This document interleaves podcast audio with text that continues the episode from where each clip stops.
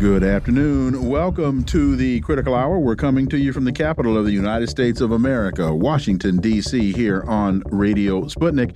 I'm your host, political scientist, author, and nationally syndicated columnist, Dr. Wilmer Leon. I'm joined here by my co host, political analyst, Garland Nixon. Thank you, Wilmer. For the next two hours, we will explore and analyze the salient news stories that are impacting the global village in which we live.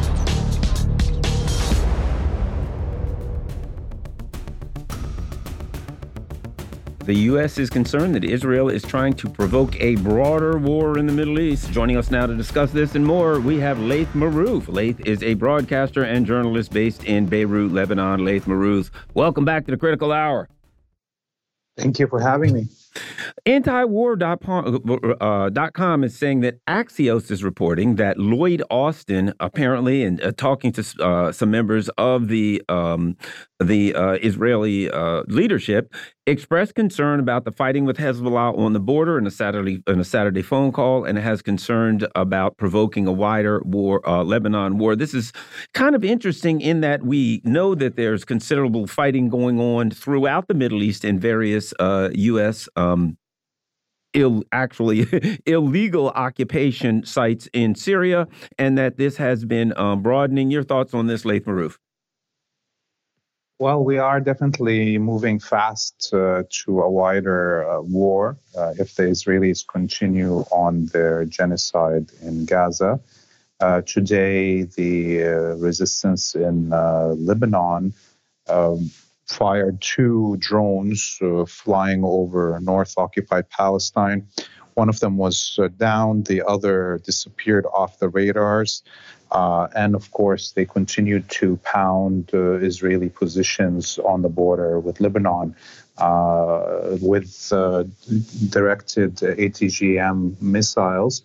They have uh, been innovating with this. Uh, much of the military analysts in the world are watching with awe as. Uh, Hezbollah uses these ATGMs to hit very precise small targets. For instance, they hit these cameras on top of these cranes and these listening uh, uh, devices that the Israelis positioned on on cranes uh, or cherry pickers, whatever you want to call them, uh, in because of their uh, original positions were all destroyed, and to be able to hit such a small target with an ATGM, that's a, that's a huge innovation. Um, and of course, uh, Ansarullah and the government in Sana'a uh, continues to fire uh, ballistic missiles and uh, long uh, range drones on the south of Palestine in the region around uh, Umm Rashrash, or what is called as uh, Eilat, as a as a colony. So we see this uh, happening uh, on a daily basis. Uh, and today there was an attack on the positions of American occupation forces in the Omar oil field in Deir ez-Zor. At least uh, four American soldiers were reported to have been uh, severely injured, so most probably dead. Uh, so this is what we see in the last week, uh, two weeks, is an increase of these attacks, but they are still all at the level of kind of testing the defenses of uh, Israel and the Western forces on, the ground, occupation forces. So, uh, if an actual, you know, breakout of war happens, uh, now these resistance groups uh, have kind of mapped out the defenses, the air defenses, and what have you, to be able to have uh, massive uh, attacks that can penetrate the defenses. Let me ask you this. Um, it, it, appears to me, you know, we, we, haven't had a chance to talk to you uh, about um, the um, uh, the leader of Lebanon, uh, uh Mr. Nasrallah's speech on Saturday, but it seems to me that the resistance plan seems more kind of like a, a maintain pressure and keep the heat up rather than just come in with one big smash, but to maintain, you know, a long-term campaign of pressure on um, on the U.S. empire. What are your thoughts? Yeah, look, uh, you know, the The war was started uh, on October 7th, and the Israelis and the Americans had a choice at that point to either agree to a full exchange of POWs or go to a war that uh, with a zero sum, as we see happening right now and uh, the there is no there was no intention uh, you know the, the main goal of, of this war was the release of the Palestinian prisoners uh, languishing in Israeli jails.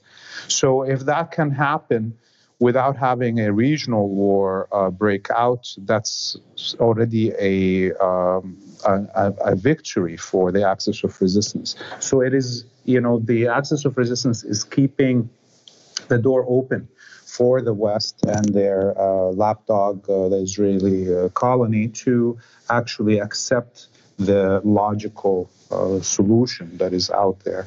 But um, as long as uh, the genocide continues, we will see an increase in these attacks and a possibility of, of things spiraling out of control into a regional war.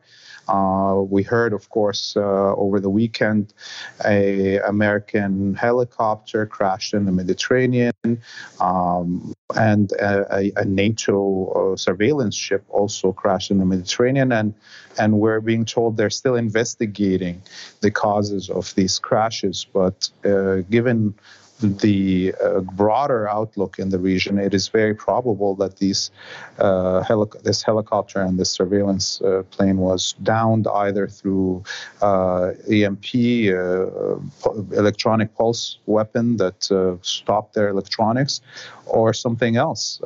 you know, we will find out more. And and look, as long as the we keep on hearing um, support for genocide from uh, Western elites, uh, we will uh, clearly see uh, more resistance coming from the region here. let me ask you this: since we uh, haven't had a chance to ask you about it, what were your thoughts on the um, on the speech um, uh, on Saturday by the um, Mr. Nasrallah? It, it, was a very calm speech. Uh, I mean, you know, m- people who are not uh, understanding of tactical and strategic uh, thinking, uh, that people that think with their emotions uh, probably expected uh, a fiery speech. but because Sayyid Hassan Nasrallah is you know, responsible for the safety of Lebanese people and Lebanon itself. And uh, because we heard all these um, threats of destroying Beirut, uh, like the, the, you know from the Zionists, uh, like they are destroying Gaza, uh, I think uh, Sayyid Hassan Nasrallah's speech was very measured.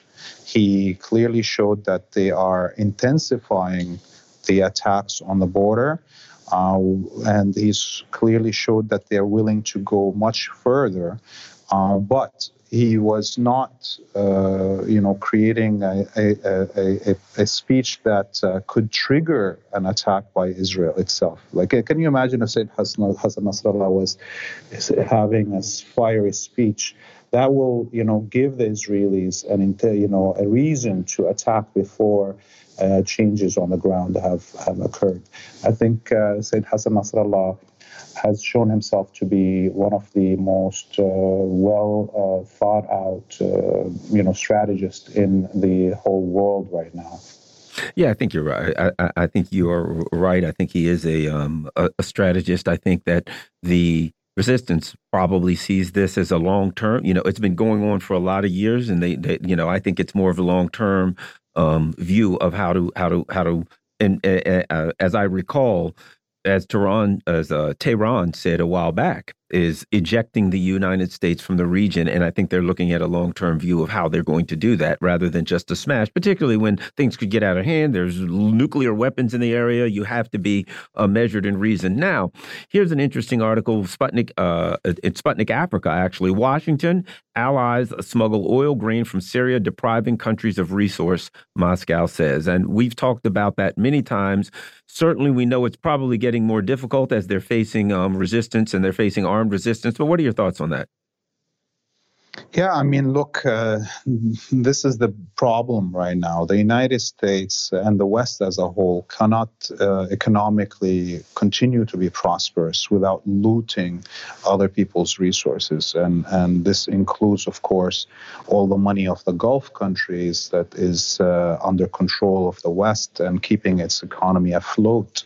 Um, the situation in Syria is uh, very desperate because uh, of the lack of uh, access to our own resources. We, you know, Syria doesn't need to have aid come from outside of its territory. It is a country that has uh, agricultural uh, you know, sovereignty and, and independence uh, and self-sufficiency prior to the war, and it can come back to that position. It could be, it was always one of the major exporters of uh, of um, you know agricultural products in in the region, um, feeding much of uh, the Gulf, in fact. So what we have now uh, is a situation where the United States is engaged in war, you know, across this whole region, and it's looting its resources at the same time, and that has to end. And to connect it to the the, the discussion that we were having just before, uh, you know, uh, the war in Ukraine has been going on for more than a year now. And uh, it's clear that uh, in order to expel the United States, in order to uh, defeat the Zionist colony that is now directly being protected by the West, this cannot happen in a one day or two days. This is a going to be a long war uh, that is going to last six months, a year, maybe even, maybe more than that. Uh, and people have to be prepared for this mentally and uh, emotionally. We will be seeing much more uh, genocide and killings of Palestinians before the end of this colony and before the expulsion of the United States uh, and the colonial armies with it from our region. Um, remember, Algeria you know, sacrificed six million people to expel the French from the occupation. Uh, Vietnam, uh, uh, Cambodia, and Laos lost uh, millions also to end the occupation by the United States and France. And this is not going to be, uh, you know, smaller than that. This is in fact probably going to be more uh, of a, a, you know central battle in in human history, uh, and and and everybody in this region that wants liberation uh, understands that. And I think people in the West need to understand this. This is not going to end today or tomorrow. The United States is not going to uh, give up on holding uh, control of this region, and our people are not going to give up on uh, fighting for our liberation. Lastly, the South China Morning Post reports Iran says it hopes to work with China to de escalate Israel and the Israel Gaza, uh, uh, Gaza war. I don't consider it a war, but, and interestingly enough, President Biden recently said that, um, or there were certainly in, indications that he was going to talk to um, the president of China in San Francisco tomorrow to ask them to help with the Iran. It seems that um, it is getting more obvious that Iran is much more adept at diplomacy, shall we say, than the U.S. empire. Your thoughts? Oh yeah, yeah, definitely. Because you see, the United States talks to everybody as uh, subordinates or sub human. And sometimes you know they they don't talk to other powers and other nations uh, in an equal way. And I think this relationship between Iran and China shows how you can have uh, equal relations between sovereign nations, even with a huge difference in uh, power, economy, and population sizes. Uh, and that's the future. Uh, I mean, um, China has uh, been taking a much bolder position on the situation in Palestine. Uh, we've, you know, China used to be uh, used to not recognize uh, the Zionist colony until the uh, Oslo Agreement was signed, and we may get to this point where China once more ends its uh, its acknowledgement of, of the right of Israel to exist as a, as an apartheid state, uh, and that's that's the future. Much of the world is going to expel the Zionist uh, ambassadors uh, as this war continues, and, and we will you know see already now many uh, leaders of the world putting in uh, requests at the International Criminal Court and the International, uh, you know, the Court of Justice to to to uh, bring Netanyahu and his circles to stand for war crimes, and that's going to either uh, you know, bring a new future to humanity where everybody will be uh, liable for their uh, for their actions, or it will be the end of international law and these bodies that have failed us for so long. Laith Marouf is a broadcaster and journalist based in Beirut, Lebanon. You're listening to the Critical Hour on Radio Sputnik. I'm your host, Garland Nixon. There's more on the other side. Stay tuned.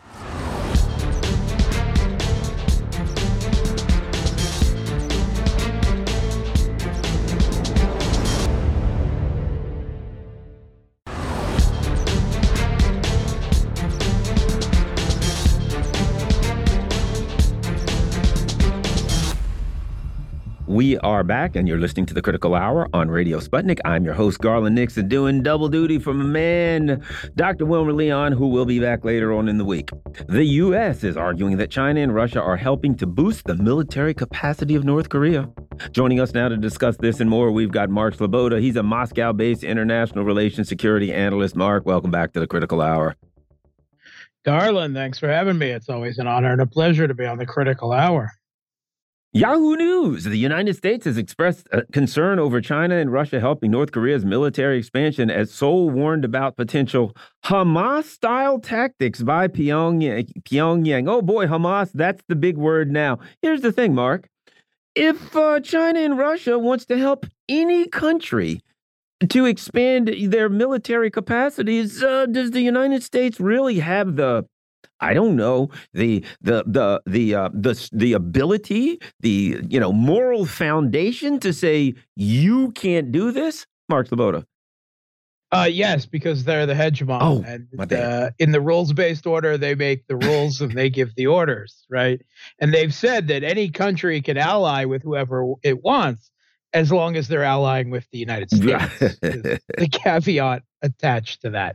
All right. Okay. First of all, China and Russia are not helping Hamas. They have not helped Hamas. They um, actually, uh, Russia, particularly in the beginning, uh, in in early October when Hamas launched their Al Aqsa flood operation, uh, Russia went out of their way to try to present themselves as neutral on the issue.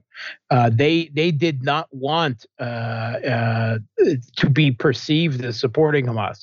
Russia's just not into Sunni Islamists, right? Right. Um, Hamas sided uh, with the U.S uh, and uh, Turkish and GCC backed jihadis in Syria, mm-hmm. right? Hamas uh, fighters uh, fought with uh, the uh, Syrian Islamists and jihadis against the Syrian government, um, against Hezbollah, and theoretically with Russian forces as well. So um, it, right now there's a buzzword, right? Mm. All of the other conflicts of the world uh, that are backed by the U.S. We're talking Ukraine, we're talking Taiwan, we're talking South Korea.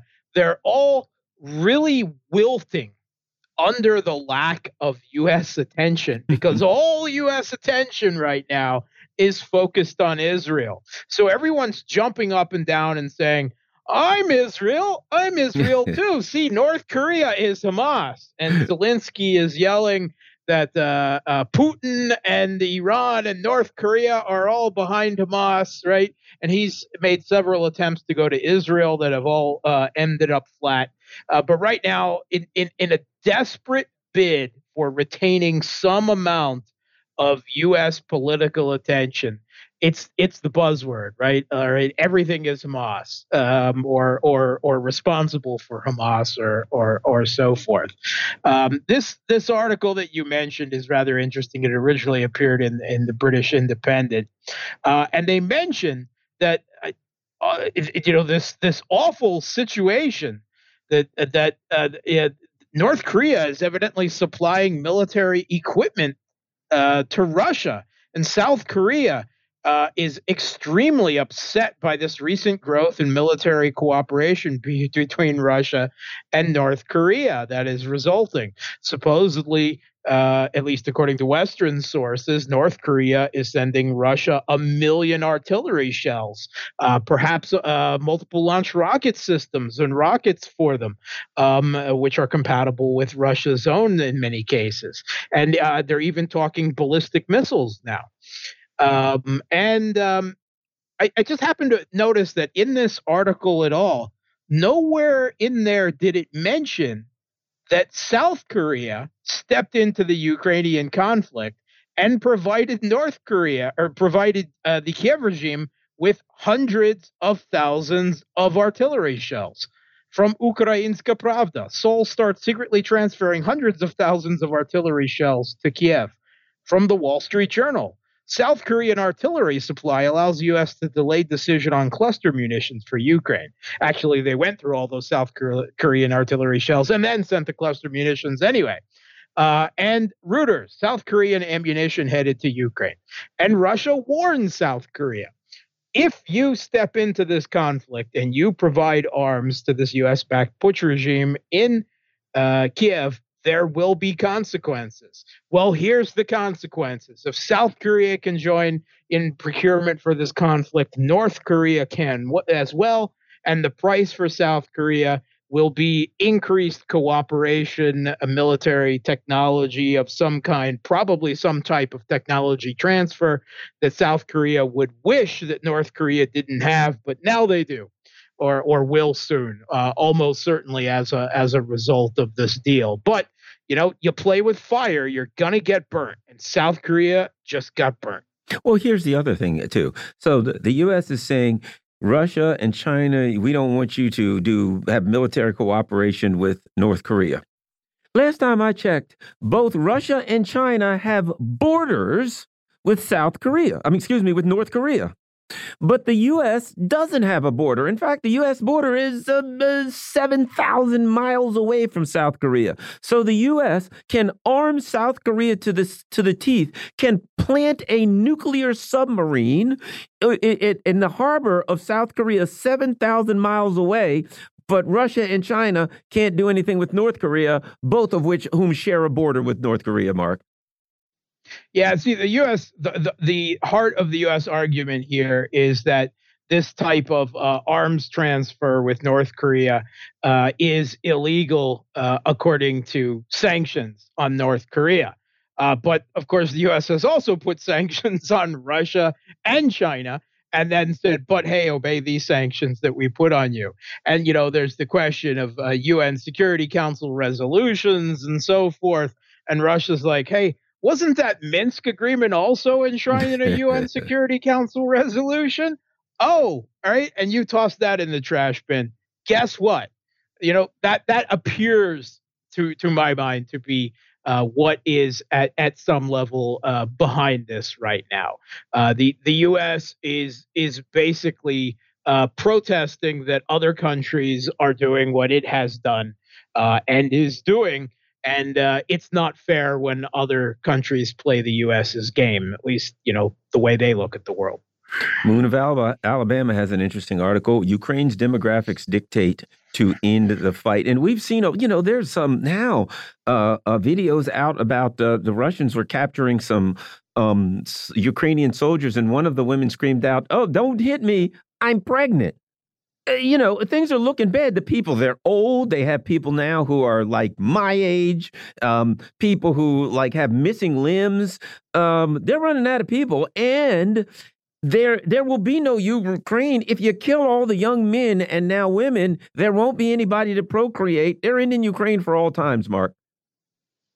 Yeah, I mean there is a, a serious uh, uh, problems. The um, we have heard reports uh, in in both uh, the uh, recent uh, Time article by Simon Shuster, where he quoted um, uh, people uh, from within the Kiev regime who were also calling their their boss Zaluzhny delusional and that you can't tell him that they're losing this conflict uh, because he exists in the emperor has no clothes mentality um, uh, obviously uh, divorced from reality and and not allowing reality to intrude intrude on his delusions.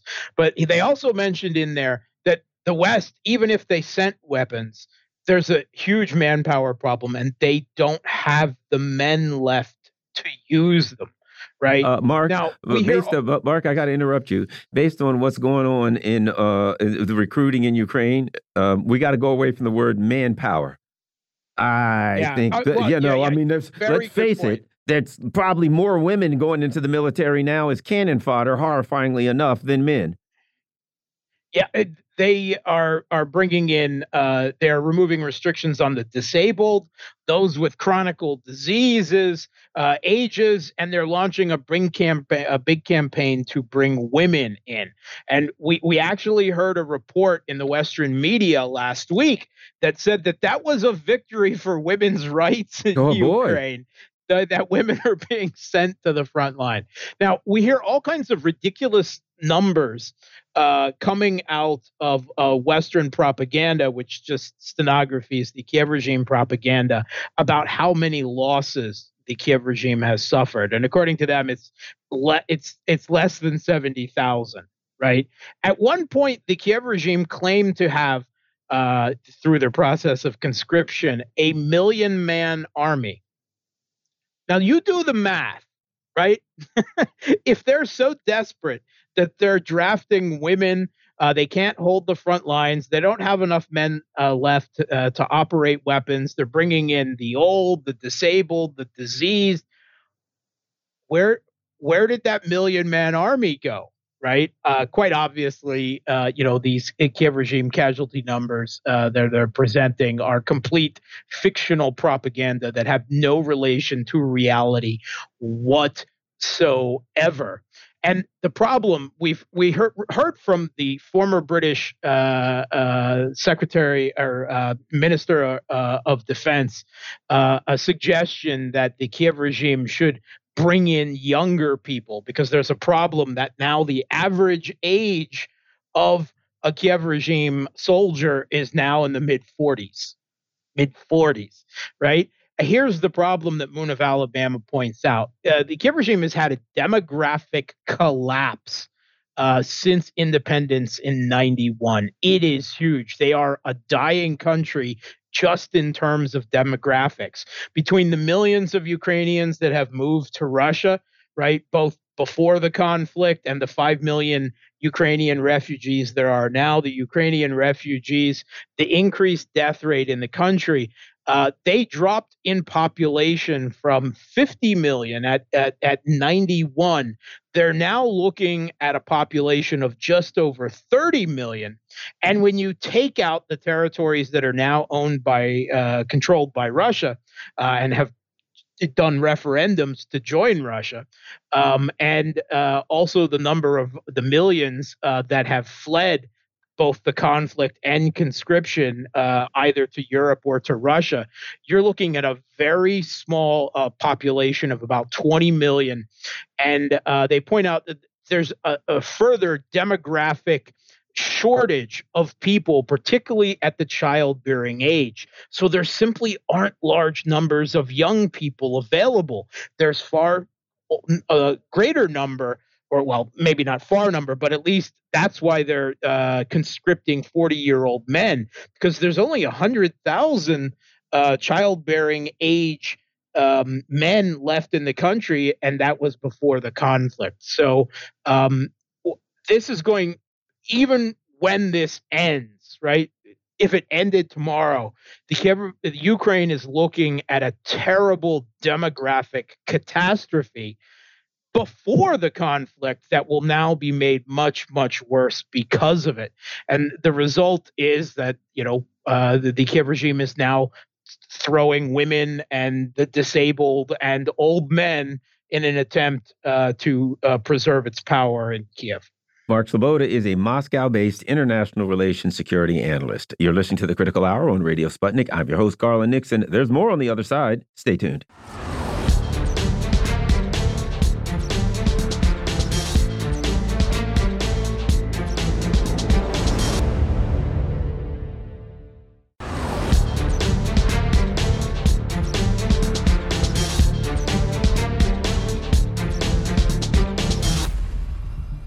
We are back, and you're listening to the Critical Hour on Radio Sputnik. I'm your host, Garland Nixon. A multi party coalition is emerging that may unseat the pro U.S. ruling party in Taiwan. Joining us to discuss this and more, we have Dr. Ken Hammond. He's a writer and professor of East Asian and Global History at New Mexico State University. Dr. Hammond, welcome back to the Critical Hour. Hey, Garland, glad to be here. Responsible statecraft. Coalition emerges to challenge ruling party in Taiwan. KMT and TPP uniting raises questions about presidential ticket dynamics as well as the potential impact of U.S. China Taipei relations. What do we need to let's start? Let's start here, uh, Dr. Hammond. For people listening, they know nothing. KMT, TPP. What what are these two parties? What are these two groups? What's going on here?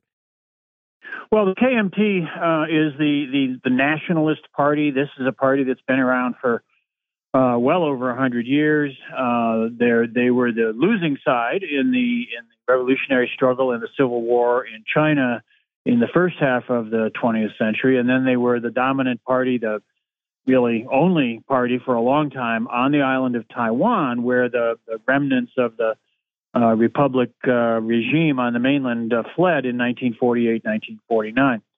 So the KMT has, uh, for a long time, was was as I say, the only party. They kept the island under martial law until uh, the end of the 1980s, and still uh, dominated the political system there into the early 21st century. But they've been displaced a bit and have been out of power. They haven't held the presidency for a decade now, and uh, they are the largest party in the legislature, but they do not constitute a majority. The DPP, the Democratic People's Party, the party that holds the presidency now, has the uh, uh, is is is the dominant group in the legislature because none of the other parties are able to form a, a coalition so far. But the TPP, on the other hand, this is the Taiwan People's Party, uh, is is a relatively new group. It's only been around about four years.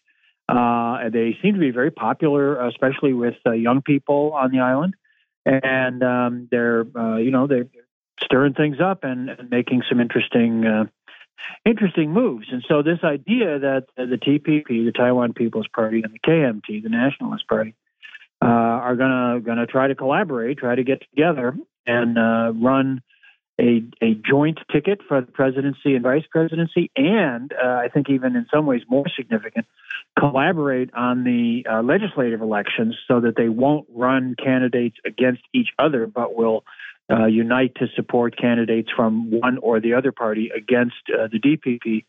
Uh, I think that that bodes. Uh, it's got a lot of interesting implications for the elections coming up in in in 2024. The challenge right now.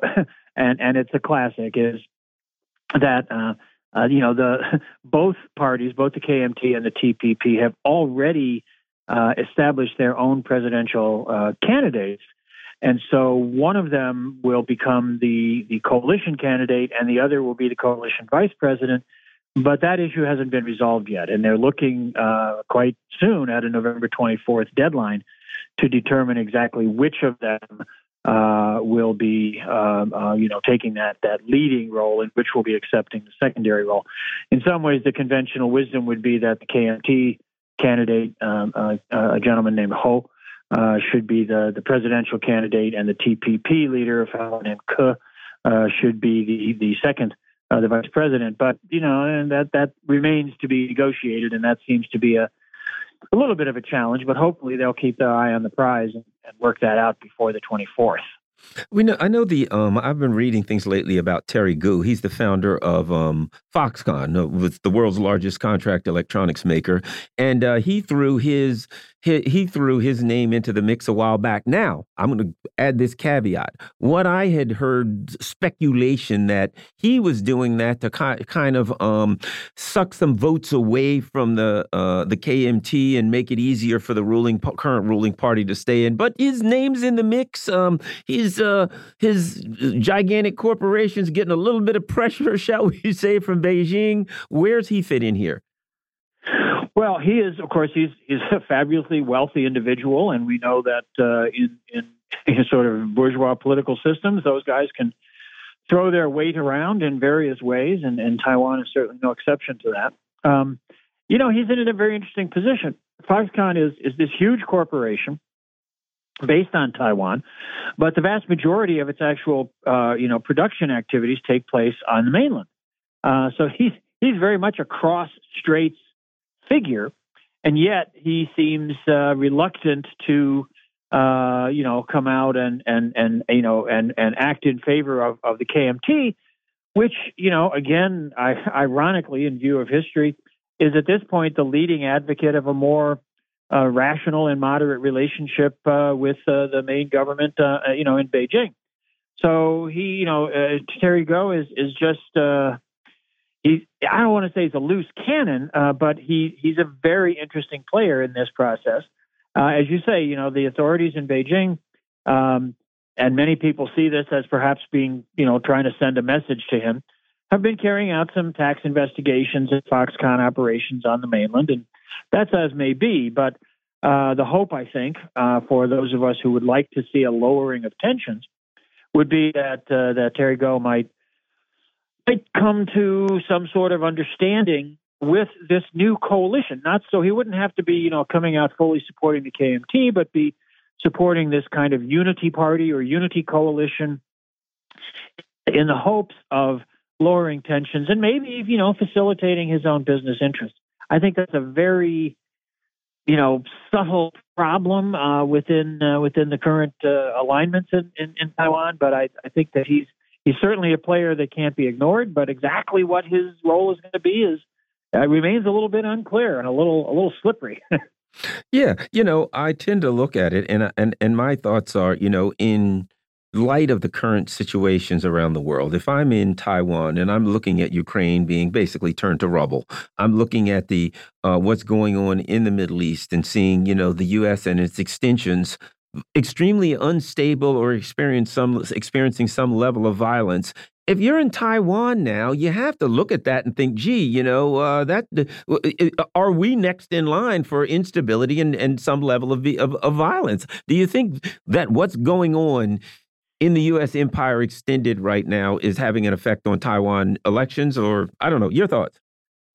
Yeah, no, absolutely. I think I think that uh, you know people in Taiwan are, are know looking at the world out there, and Taiwan and, the mainland are are so closely uh, integrated economically these days and, and travel back and forth and all that. Lots of Taiwanese people living on the mainland at this point. You know, nobody, I think no one on Taiwan really wants there to be a war with with China, and China certainly doesn't want to have a war over over Taiwan. You know, it's it's. I mean, obviously, all along it's been the U.S. stirring the pot, largely. Uh, well, really, two objectives. One is you know just to give the Chinese uh, government in Beijing a headache, but also to stoke, you know, domestic political capital here in the United States, which is a, a really shameful uh, kind of enterprise. But I think that that people in Taiwan looking at the world, looking at looking at Ukraine, looking at at you know the the, the sad sad situation, the terrible situation in in Palestine, uh, where the U.S. continues to just pour billions and billions into Israel's genocide machine.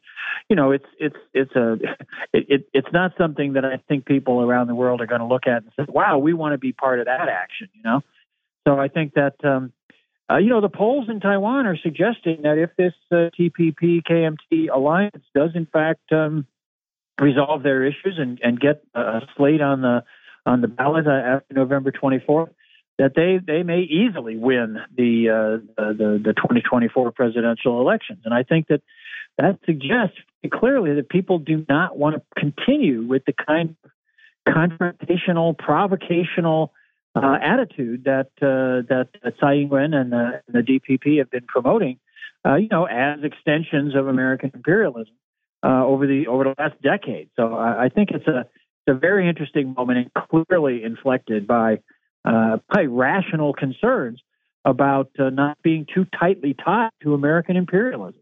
I have to suspect that, Ameri that, that, that at that point, U.S. imperialism will turn to the Korean Peninsula as the next flashpoint to try to stir up trouble. But that brings us to TASS.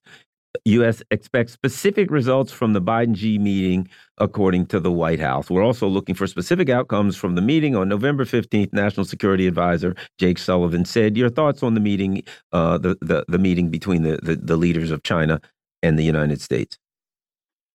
Well, I think I think this uh, this report and these comments by by Jake Sullivan are, are you know uh, pretty typical of of what's been going on uh, coming out of American politicians' mouths for for quite a while now, which is trying to sort of subtly shift the onus onto China, and sometimes not so subtly, suggest that you know uh, the United States remains in the driver's seat.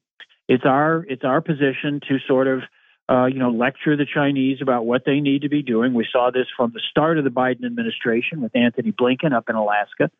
Uh, and and you know that that sort of continues to be the attitude. We expect specific results. We expect the Chinese to you know, to to get in line with our program. You know, that seems to be the attitude and the message that that just routinely comes out of out of the White House and out of uh, out of Congress and all this. You know, so.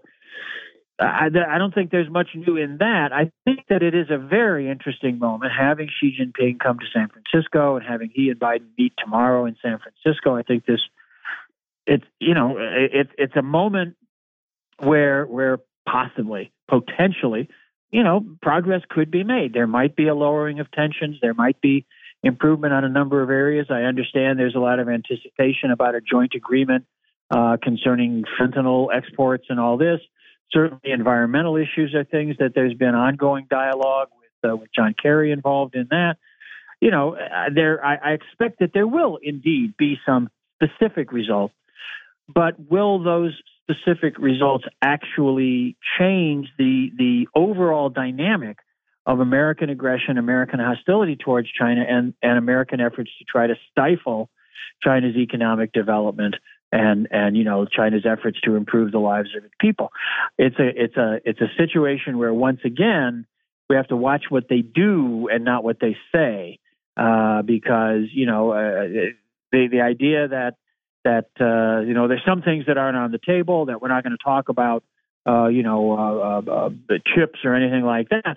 Well, those are the things that really matter, you know. And and and what about stopping the arms sales to Taiwan? What about stopping the provocations in the South China Sea?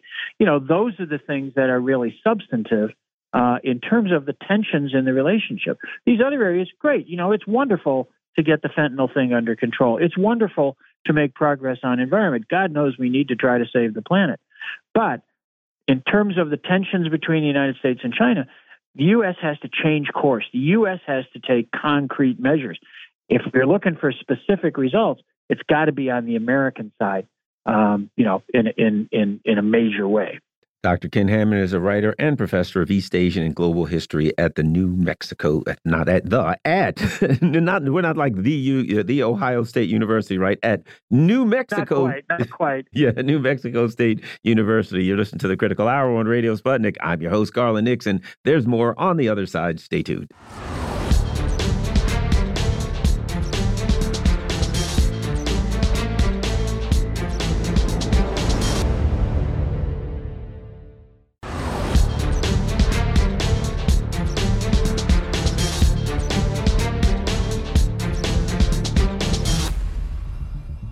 We are back, and you're listening to the Critical Hour on Radio Sputnik. I'm your host, Garland Nixon. The Biden administration is arguing that the U.S. economy is sound, that's Bidenomics, but stagnant wages and inflation may unseat the shaky incumbent. Joining us to talk about this and more, we've got Melik Abdul. He is co host of Fault Lines right here on Radio Sputnik in Washington, D.C. Melik, welcome back to the Critical Hour. Thank you so much for having me, brother. Always, always enjoy being on with you guys. Uh, naked capitalism. They they say uh, this post. It's an article. Why Biden is in trouble about the economy. This post does a very tidy job of shellacking Biden cheerleader claims about how good the economy is for most voters. Not only is it's the real wages, stupid, that undermines Biden performance claims, but also large price increases in critically important categories like food, housing, and autos. You know, um, Melik, one of the things I think that's interesting is there's a great book that I recommend to people. It's called, it used to be called uh, The 13 Keys to the White House, and it's now just called The Keys to the White House by uh, Professor Alan Lichtman. I've interviewed him many times right here in Washington, D.C. But basically, in a nutshell, when it gets down to it, he, he he proves that one of the you know most uh, important issues to people every four years is How much does it cost? I'm just going to be straightforward. How much does it cost to buy a pack of chicken wings? How much is gas? How much does it cost on a day to day basis? How much does it, what's my life looking like? How are my wages? Just the regular stuff of a family when they have to raise their kids and, you know, fill the tank every day. Your thoughts? Now, Garland, I, I did not want to start this with the fried chicken reference, but it is indeed my favorite food. and when I go to the grocery store and I go to my local giant grocery store, I say to myself, you know what? I think I'm to actually wait till these are on sale. Simply because the cost have it has gone up so much and it's not just chicken. It is just your basic products like your dairy your eggs your milks. All of those things have actually gone up and people are paying higher prices. There are some inflation numbers that are coming out that came out and it has it was a very good week uh, well day on wall street um, it's actually signaling to uh, investors that the Federal Reserve may not raise interest rates. But that really doesn't matter when it comes to how people feel. And if you are going to your market, if you're, um, if, whether it's um, higher gas prices or even as we were saying, just going about your basic, or trying to get like, so just basic consumer goods, that is what you consider. You don't consider the larger macro um, economic factors because most people aren't invested in the stock market. It doesn't hit their pockets. And at the end of the day, how it hits your pocketbook is the thing that always matters. And so the Bidenomics, the same Bidenomics that they've had various iterations of such where the Biden administration has tested out several things. And even most recently, Bidenomics didn't necessarily mean that the American people were getting, you know, back to work or getting higher wages or any of those things. Bidenomics meant that the defense industry was making a lot of money which it has obviously um, since we since the launch of the uh, military operation in Ukraine. This is something that the Biden administration is going to have to deal with um, as we head into an election year, and I think it will that and ironically, foreign policy will likely factor largely into the 2024 election. Let me throw this at you. I've always felt like this. A lot of people think that, but if you look at it more often than not, for instance, let's go. Let's just throw something out you out, out at you. Clinton versus H.W. Bush. H.W. Bush had the, the, the much better um, foreign policy experience. He lost. Obama versus um, uh, uh, McCain. McCain more uh, foreign policy experience. He lost. Trump versus Biden. Uh, Biden had more. Excuse me, Hillary. Uh, uh, it, when there's a Hillary lost. When there is an open White House. History says the person who has the most foreign policy experience usually loses because they talk about foreign policy all day long, and a person says, "Man, the gas price of gas sure isn't high." But here's something I I got to add even though it may may not have been Donald Trump's fault, I've heard this in the black community. I have heard this from extended family members. Well, when Trump was in, at least I didn't have to pay this much for gas or this much for this. Donald Trump actually has a body of work, whether or not it's his fault. He was there for four years. You have people that are going to look at four years of Biden and look at four years of Trump, and they're going to associate with Trump. And let's face it, things were better during during Trump when Trump was in. And I'm not a Trump fan, and I don't even give Trump credit for that. I'm just saying, from the perspective of the voters, I don't see how Biden beats him. Melik. It's the rea- yeah, it's the reality of how people feel. People realized that they were paying lower prices when Trump was in office. People realized they might have had more money to maybe go out to a restaurant or something um, when Donald Trump was president. There, that is a, simply a different reality right now. So it doesn't, like I said, it doesn't matter what the macroeconomic factors say. People are going to vote on that. And to your point about foreign policy, I, I think that even that is, we are looking at that in a different way now. Like it is, um, we're having a different conversation because I believe that for the most part, many people, I would argue, most Americans have learned the lessons from Iraq in Afghanistan, which is why you're now seeing a growing number of people questioning um, our support for Ukraine. The, the majority of the Americans still support the United States providing assistance to Ukraine, but now we're getting we're, we're getting to questioning how much assistance are we providing. We're seeing right now what's happening in the Israeli Hamas conflict people are now questioning the amount of money that we're giving to Israel. So I think on those levels, when it comes to the amount of money or financial assistance the United States is giving to foreign countries versus what's happening here in the States, I think that that part of um, you know, an economic argument is what, well, I'm sorry, foreign policy argument is what would uh, probably take precedent in the campaign in a way that I really haven't seen in a while, because it's usually you're talking about whether or not you're on either side of a conflict. But in this case, you're talking about how it ultimately impacts what um, the government or what Americans here are able to spend. You know, I, I, I, agree with you. And I think what, what we're talking about here is how foreign policy, the money that's being spent from foreign policy, and the struggles at home are inextricably linked. Okay, because I think what's happening is you have, and I've heard people say this. They they're like they see the pictures from San Francisco, wherever, and they're like. My God, look at these homeless people, you know, all over the place. They look at the struggles that people are having here and the health care and all the things.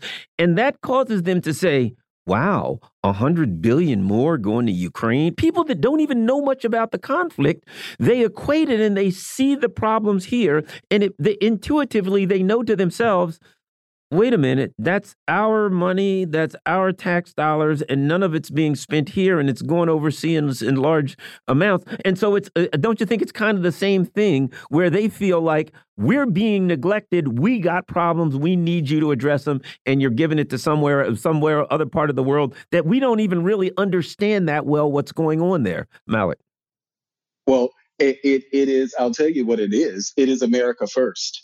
It mm -hmm, is, mm-hmm, it, yeah. Is, it is a, this own this iteration of America first. And I understand, you know, even the branding of that during the Trump administration had a very negative connotation um, to many people. But at the end of the day, what you just articulated literally is America first. What about us? We're giving billions of dollars to Israel, billions of dollars to Ukraine, but at the same time, when it comes to residents of Maui, we're giving them $700 checks. This is what we do. we don't have free health care you know we don't have many things that that we send in where we spend these billions of dollars elsewhere and we don't funnel that money. We don't take care of the needs here because politicians as we see right now with this um, fight over spending politicians are interested in lining their own pockets. They're interesting as we just saw the republican member of oklahoma challenging um, witnesses to fights in hearings, in congressional hearings. This is what Congress um, is spending their time doing, making $180,000 a year.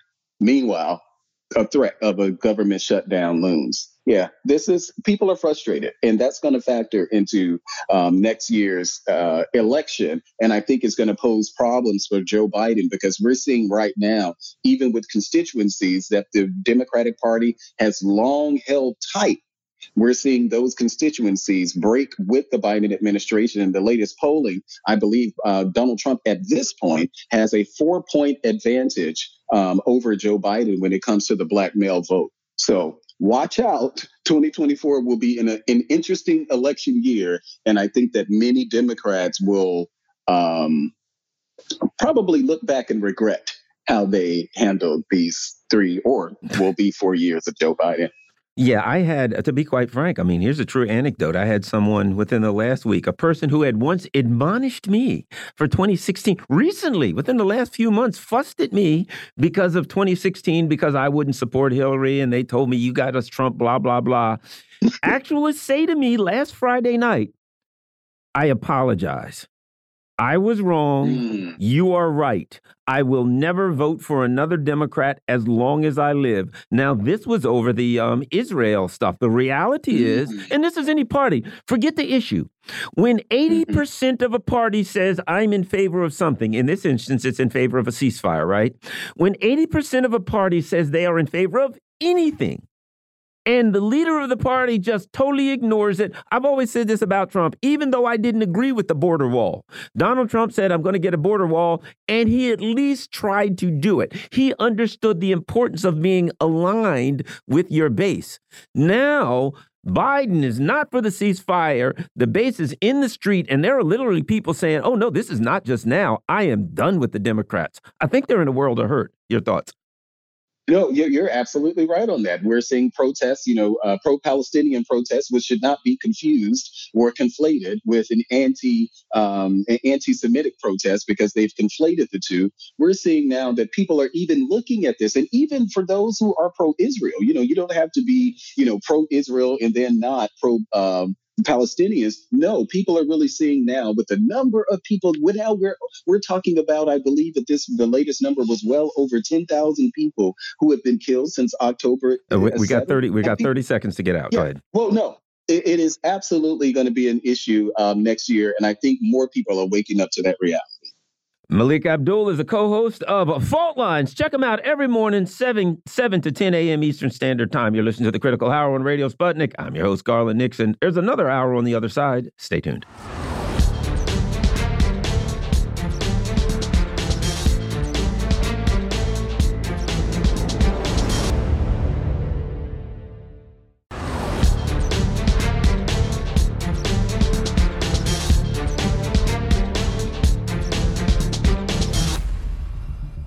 We are back, and you're listening to the Critical Hour on Radio Sputnik. I'm your host, Garland Nixon, doing double duty for my co host, Dr. Wilmer Leon, who will be back later on during the week. The U.S. stance on Gaza is revealing deep fissures and creating instability at the United Nations. Joining us now to talk about this and more, we've got Dr. Gerald Horne. He's a professor of history at the University of Houston in Texas. He's an author, historian, researcher, and a friend of the show. Dr. Horne, welcome back to the Critical Hour. Thank you for inviting me. RT reports the U.S. is using its veto power in the UN Security Council to sabotage international efforts to end the bloodshed in the Middle East, despite dire warnings from the organization's own staff about the staggering civilian death toll in Gaza, according to the Russian Foreign Ministry. Ministry. You know what's interesting, Dr. Horne, he is seeing here is the Biden administration has been talking about this rules-based international order, and it seemed like they were trying to basically snatch legitimacy away from the UN, say, forget the UN, forget international law and all that stuff. We make the rules. And now this seems to, with this particular conflict, seems to be boiling that contradiction, shall we say, to a uh, to to boiling it, bringing it to its boiling point. I'll put it like that. Your thoughts, Dr. Horne? Well, U.S. imperialism, pardon the expression, is on the horns of a dilemma. What I mean is, is that it's facing multiple staggering defeats, one of which would be discrediting sufficiently, but we're talking about at least two. In Ukraine, where they're apparently about to throw in the towel with regard to Zelensky, uh, pressuring him to hold elections. Then he's releasing scandalous materials about his internal foes, arresting other internal foes, sabotaging upcoming elections.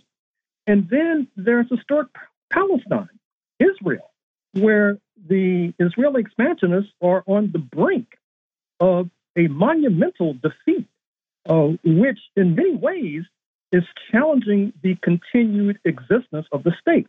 Uh, let's look, first of all, at the recent meeting of the Organization of Islamic Cooperation and the Arab League in Saudi Arabia, 57 nations strong.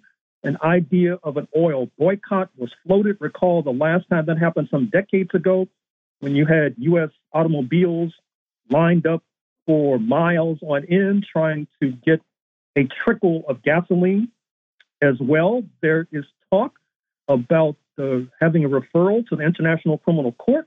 I don't think that that would be limited to the war criminals in Israel. It seems to me the aiders and abettors, the accomplices in Washington, would have to be dragged before The Hague as well.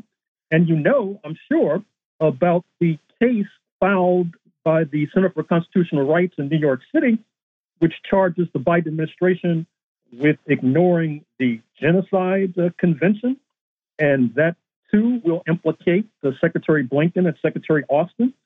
You know that in recent days, in ports along the West Coast, in Oakland and in Tacoma, U.S. nationals have been trying to block ships that they say are headed to bring war materiel uh, to Israel. And speaking of war materiel, it's quite curious, is it not, that apparently Hamas has anti tank missiles. Now, the backstory apparently is that the corrupt figures in Ukraine that we just made reference to are taking U.S. weaponry and through the black market, somehow it makes its way to Hamas. Now, that has led certain wags to suggest that the United States could save money and be more efficient by shipping weapons directly uh, to Hamas rather than going through the middleman uh, in Ukraine. In any case, uh, you see that Israel is dragging down U.S. imperialism. They're drowning together. And that leads to what we've made reference to before on these airwaves the possibility that Washington may seek to follow the nostrum of late Pentagon Chief Donald Rumsfeld. If you have a problem, the way to deal with it is to enlarge it. That is to say, that these U.S. submarines cruising off the coast of Israel are not necessarily going to be targeting Hamas. They may be trying to target Iran. They may be trying to target Hezbollah in southern Lebanon. And in any case, we all know about the attacks that U.S. fighter jets have made in eastern Syria in recent days. Perhaps they are cruising for a bruising, given the fact that both Russia and Iran are embedded in Syria. Perhaps they want to administer a kidney punch to both of those uh, particular alleged foes. And then there's the uh, political economy questions. Uh, that is to say, that there's natural gas off the coast of Gaza. There's loose talk about trying to sabotage Egypt's control of the Suez Canal, which delivers billions in revenue to Cairo, one of the major arteries on planet Earth, by building a so called Ben Gurion Canal, which they would suggest, some would suggest, would call for the depopulation uh, of Gaza, which sheds further light on these diabolical plans to ship the Gaza Palestinians into the Sinai Desert, perhaps followed by West Bank Palestinians as well. For Israel has to do something because its economy is seizing up. A country of 9 to 10 million can hardly afford spending millions, some say hundreds of millions of dollars per day on this conflict. You have Israeli nationals evacuated from both northern and southern Israel, staying in tourist hotels. That is obviously putting a cramp in the economy of Israel. Not to mention the tens of thousands, hundreds of thousands of reservists, weekend warriors have been called up, no longer in office cubicles or stocking uh, grocery shelves. They're now on the front lines. And by the way, pay attention to the revelations by former CIA man Larry Johnson, uh, who suggests that his sources tell him that in terms of U.S. military hospitals, be it uh, Walter Reed in your neck of the woods or Ramstein in Germany, they're rapidly filling up with wounded warriors from the United States who apparently are part on the boots on the ground contingent of U.S. imperialism seeking to bail out Israel. Uh, with regard to uh, the domestic front once again. Repression is intensifying. I'm sure you know about the attempt to suspend Jewish Voices for Peace and Students for Justice in Palestine at Columbia University, similar moves at other Ivy League universities. The United States is caught in a contradiction. When anti blackness is expressed, we're told to absorb it. This is the price of free speech. We're snowflakes, so called, if we don't absorb it. But obviously, there's a double standard when pro Zionist students feel that they're being offended. And speaking of hypocrisy, uh, let me not forget to mention the censoring of Congressman Rashida Tlaib of Michigan for supposedly uh, circulating material with the slogan uh, from the river to the sea. Now, that is very curious because West Bank is on the Jordan River, Gaza is on the Mediterranean Sea. So you could say that she's only calling, in a sense, for a two state solution. But in any case, uh, what is wrong with calling for a binational state of those who are Jewish, those who are not Jewish, etc., with equal rights for all? And in any case, from the river to the sea could also be the de facto slogan of the Israeli expansionists who have no recognized borders. And in fact, if you look at some of their more demagogic maps, they're going beyond the river and the sea in terms of their uh, potential alleged gains. Uh, I should also mention that the Israelis are also facing a dilemma on the battlefield, which we had thought, or some had thought, was their advantage. It's not only the fact that it's difficult for an army made of draftees and conscripts to fight effectively, it's also the fact that Israel is casualty averse, and so these conscripts and draftees are holed up in tanks, heavily armored tanks, but as noted, Hamas has anti tank missiles. We should take with a grain of salt the reports that are trickling out about Israeli casualties. Apparently, they're much heavier than uh, we that some might suspect. And in any case, I think that the Washington officials should not only pay attention to that Center for Constitutional Rights lawsuit aforementioned, but also the fact that Algeria, apparently joined by Colombia, are making a referral to the International Criminal Court with regard to the war criminals uh, in, in, uh, in Israel, which obviously will implicate eventually their aiders and abettors in Washington. Also, pay attention to France. Uh, watch out when the rats start to leap off the sinking ship. We know that a few days ago, France did um, not join the vetoes of a General Assembly resolution uh, calling for a de facto ceasefire uh, with regard to this conflict. Uh, keep in mind as well that France has a long record of bucking U.S. imperialism, be it in recognizing China uh, years before the United States did. The very term détente, easing tensions with the socialist camp, was a French word. And now we see that President Macron is reprimanding and rebuking the war criminals in Israel with regard to their slaughtering of women and children, which has now led to the creation of mass graves. There is similar uh, unrest in London. We see that the former Home Secretary, Suella Braverman, has been sacked by Prime Minister Rishi Sunak because she's trying to get to his right. She wanted to suspend the pro Palestinian demonstrations that have been clogging the streets of London in recent weeks, one bigger than the next. There will be another one coming up Saturday.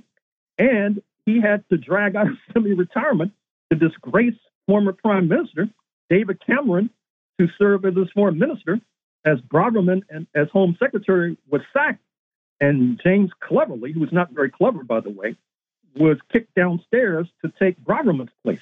Likewise, in the Labor Party, Sir Keir Starmer, who replaced Jeremy Corbyn, who was driven out of leadership because of his pro-Palestinian sentiments, has been facing an internal civil war because of his aping the Biden line with regard to this conflict and so we see that U.S. imperialism is facing a simultaneous defeat in both Ukraine and Israel, staggering, uh, an appropriate backdrop for Mr. Biden's scheduled meeting this week with President Xi Jinping of China in San Francisco, where the Chinese leader is obviously uh, holding all the cards. And one more point before I turn the microphone back over to you, Garland. You see that the right wing in the United States is splitting which is a good sign. Uh, ben Shapiro, one of the so called intellectual leaders of the right wing, has been reprimanding Candace Owens. Remember, she's the black woman uh, who has been a rising star in the right because he sees her as too sympathetic to uh, Palestinians.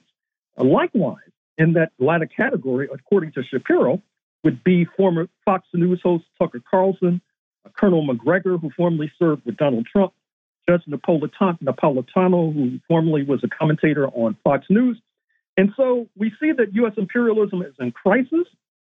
We haven't even talked about the economic crisis, crises, the fact that uh, Fitch and Moody's have suggested that U.S. Uh, Treasury bonds, U.S. paper, is not creditworthy. The cost of borrowing is going up as the United States is trying to subsidize these wars in Ukraine and Palestine, Israel. Which makes it questionable whether or not they can open another front in Taiwan. We've only got about a minute and a half left, but I do want to ask you about Nate Silver is now saying that it's risky for Dems to nominate Biden. From what I've heard of friends on the street, it's more than risky. People are, uh, and, and a lot of people specifically over the Gaza issue. I had someone recently say to me, I'll never vote for another Democrat as long as I live over that specific issue. About a minute and a half, Dr. Horne. Certainly Mr. Biden faces problems in Michigan, for example, where there's a large Arab American vote. There have been numerous press reports about disgruntlement amongst the black population as well. But at the same time, if you look at last Tuesday's elections, you saw significant setbacks for the Republicans in Ohio, in Kentucky, in Virginia, not least on the question of women's reproductive freedom.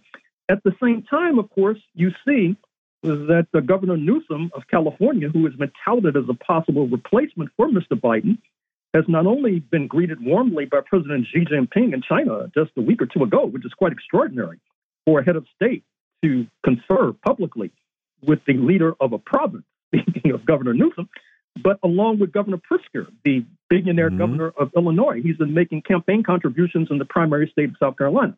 So we should keep a close eye on that particular race.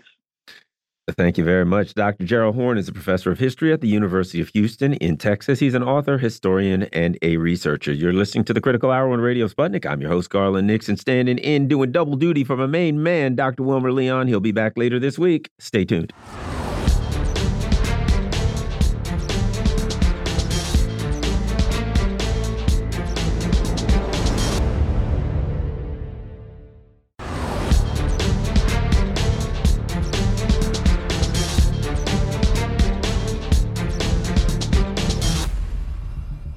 We are back, and you're listening to the Critical Hour on Radio Sputnik. I'm your host, Garland Nixon.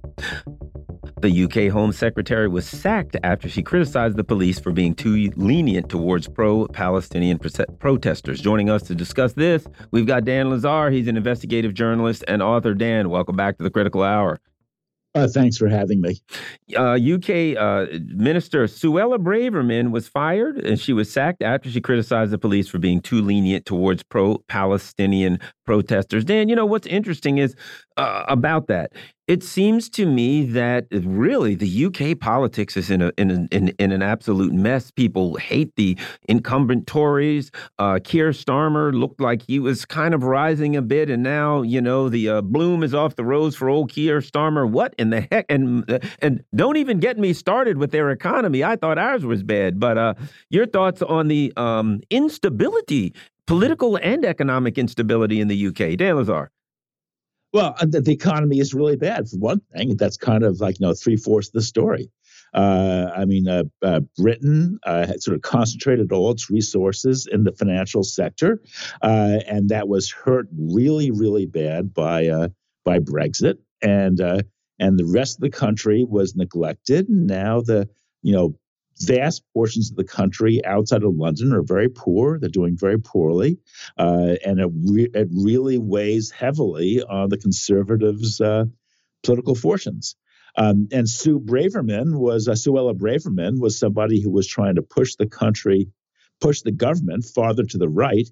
Uh, uh, I mean, her attitude to the Palestinian protests was really um, was really outrageous. There has been no violence whatsoever associated with these protests, which are, by the way, are, are enormous. The one last weekend was 900,000 people, you know, approximately, uh, and there was no violence at all. There was there was no there was no hate language. There were no placards that that in any way expressed, you know, uh, anti-Semitism or or were in favor of violence or anything like that. Um, uh, and and in fact, the only uh, the only violence came from far right protesters uh, who felt that um, they felt who felt encouraged to take to the streets by Braverman's by an op-ed piece that Braverman had had uh, had written essentially, you know, kind of semi urging far right forces to counter these protests.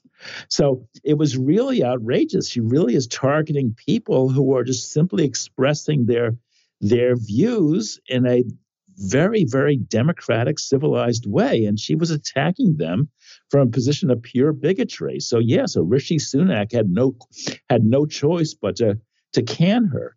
But his his government is doing very poorly. He's unable to to get the economy off the road and uh, off the uh, floor essentially. And everyone assumes that that um, Keith Keir Starmer, the uh, the the Labor Party leader, uh, uh, will is essentially of uh, a prime minister in waiting.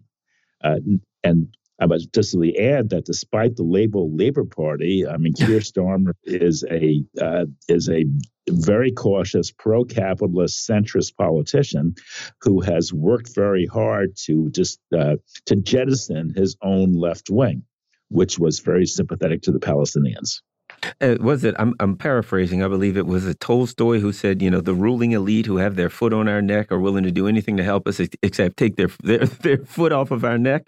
And it seems to me when I look at the UK, the there, certainly there was um there was Brexit, but additionally, the um Ukraine um uh, uh um um conflict, all of the various uh sanctions have been devastating for the UK and devastating for Germany, devastating for the economic engines of the EU.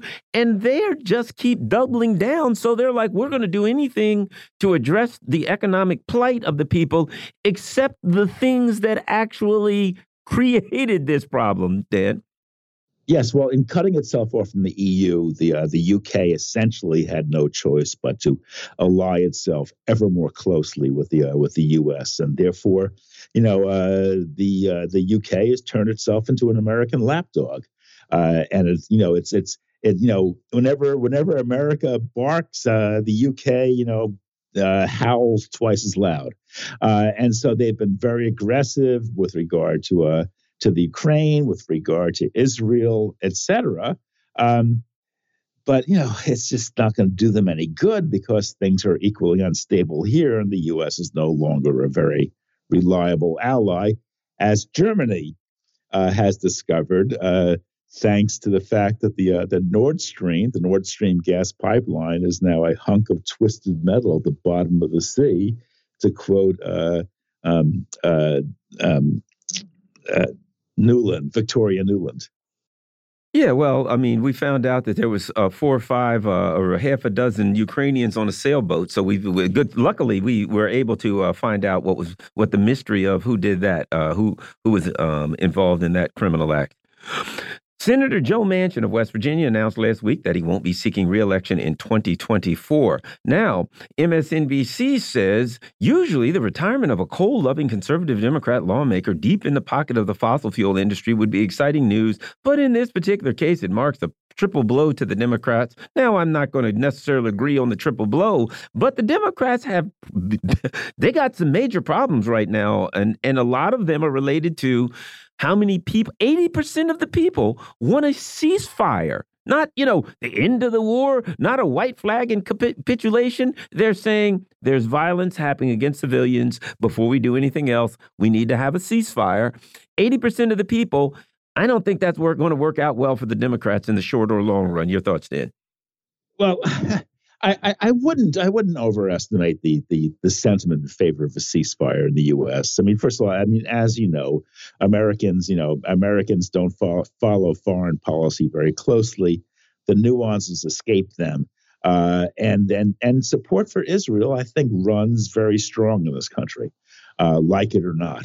Um, and I also think, by the way, that that the the war uh, that that Israel is nearing the end game of this war. Uh, so therefore, um, I think that it is it sort of sees the light at the end of the tunnel, and I think that it's making a, a very strong progress against Hamas. Um, but I think that what worries Americans, they feel that that Joe Biden uh, just doesn't have a handle on things. I mean, Joe Biden, uh, you know, the thing, the war is going very poorly in the Ukraine. Uh, he clearly doesn't know what to do about that, about Israel and Palestine uh, Benjamin Netanyahu was kind of like, you know, he's bossing Biden around. uh, rather than the than the, the reverse. But you know, you know, one would think that Israel was a country of 330 million people, and that the U.S. was a country of of uh, of nine million. But in fact, it's the reverse. Uh, so you know, so America looks indecisive. It looks like it doesn't know what it's doing. It seems to be lost, uh, floundering, and I think that people attribute that all to to Biden, and they just don't have very much confidence in his leadership. Well, and if you look at his team, you know what I mean? Blinken, Sullivan, new, you know, if you look at Biden's team, my God, I haven't even brought Kamala Harris in. You know, it's funny because I remember when Kamala Harris first, you know, um, I actually went on this radio show in Baltimore and they were all, hooray, you know, yay, we've got the first black woman, blah, blah, blah. But even then, there were a couple of people saying, yeah, you know, but I don't know about her policies. So now in the black community, she is a joke. If you mention her name, people just shake their head and put, point their eyes towards the ground. His team is. Uh, to say this is not the dream team, this is the nightmare team, uh, um, uh, Dan. Yeah, yeah, I think he's. Yeah, I think that, that the public is losing confidence. I mean, Biden himself is his 81st birthday is a week away. Uh, and it shows he's not a young 81 year old he's an old 81 year old he uh, he's you know he's he's frail he seems to be mentally not very sharp uh, and uh, that the Kamala Harris problem looms very large large because she is really unpopular uh, I mean I, I find her myself to be completely appalling. I don't think she's ever said a sensible word. I've never heard a sensible word come out of her mouth. She just blabbers on in the in the strangest way. But um, but everyone knows that that a vote for Joe Biden is a vote for President Kamala Harris because it's a, there's a good chance he won't live out his term, and Kamala Harris will therefore become president. And Americans don't like that; they don't dis- they don't, don't approve of that. So that is that is one very important uh, uh, factor working in Trump's favor. Uh, but there are others as well. The the war in the Ukraine is going very poorly. Uh, the the uh, the war in the Middle East seems to have caught the U.S. flat-footed. And whatever happens in Israel, uh, I think that the um, the result will be that the U.S. will find itself shut out of the Persian Gulf, and that essentially uh, Russia, Iran, and China will wind up taking it over. And this is a big, big deal because uh, America's top priority since since uh, since 1980 has been uh, maintaining control of the Persian Gulf and its enormous energy re- resources. And the U.S. to that end has spent tens of trillions of dollars, and that's a lot of money. Mm-hmm. So, uh, so this would be a, a, a huge setback. And last but not least, 187 nations voted for a resolution to end the cruel and illegal 60 plus year U.S. blockade against uh, uh, Cuba. Only Israel, the U.S., and Ukraine refused to stand with Cuba. I think the calls for justice for Cuba are getting louder and louder, Dan. Well, the U.S. finds itself completely isolated. And this is the problem. I mean, the U.S. has played this it, its its world leadership card was, was so badly uh, in uh, in recent decades. Uh, its its position is so hypocritical. I mean, it, it's it pursues such an obvious double standard that the the world is disgusted.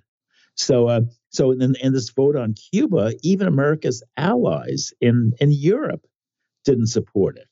So, uh, so as a consequence, uh, the U.S. finds itself totally isolated. The, the world thinks it behaves in an, in a hypocritical manner, and of course, the world is is correct, um, and uh, and therefore, it's almost you know it's without support. Now, you could ask, what does that matter? Because the U.S. is still an economic major economic power and a very important military power as well, and and might makes right, but in the long run, it doesn't. In the long run, the U.S. needs to maintain its influence in the third world. And the fact that the third world, the developing world, is turning its back on the U.S. and that other advanced industrial uh, uh, countries share those countries' concerns, this matters a great deal, and America just can't go it alone diplomatically. So I think that in the end, it's this the fact that it's growing isolation will weigh very heavily on it in terms of world politics. Death by a Thousand Cuts. Dan Lazare is an investigative journalist and, and an author. You're listening to the Critical Hour on Radio Sputnik. I'm your host, Garland Nixon. There's more on the other side. Stay tuned.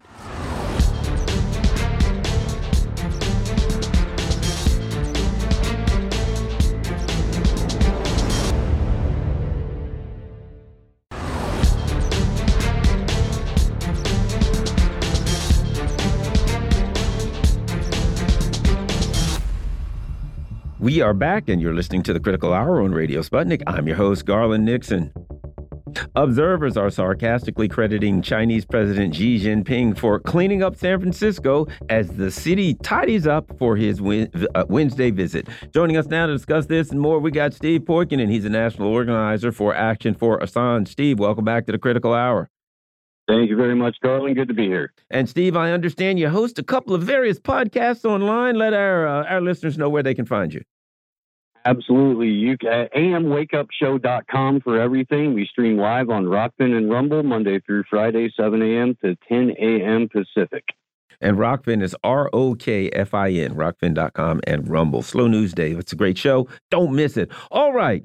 You know, this, it's, it's, it, you know, it's a joke. And, you know, we use the term oftentimes gallows humor. You know, things are really difficult and you make a, a joke to keep from crying. But, uh, RT reports an upcoming visit by Chinese President Xi Jinping to San Francisco has, according to critics, forced the Democrat led local government to clean house and finally act against the city's notorious homelessness levels. Again, you know, there's a jokesing going on here, there's some elbowing and ribbing going on here, but the fact of the matter is, San Francisco is a disaster, as is as our seems like most of California. Your thoughts? Fact of the matter is, Gavin Newsom is on camera saying, "Yeah, they cleaned it up for Xi." But that's it, it's a it's an open. It's not even a secret. It's you know the governor of the state admitted it. Whether or not the mayor of San Francisco will is another story.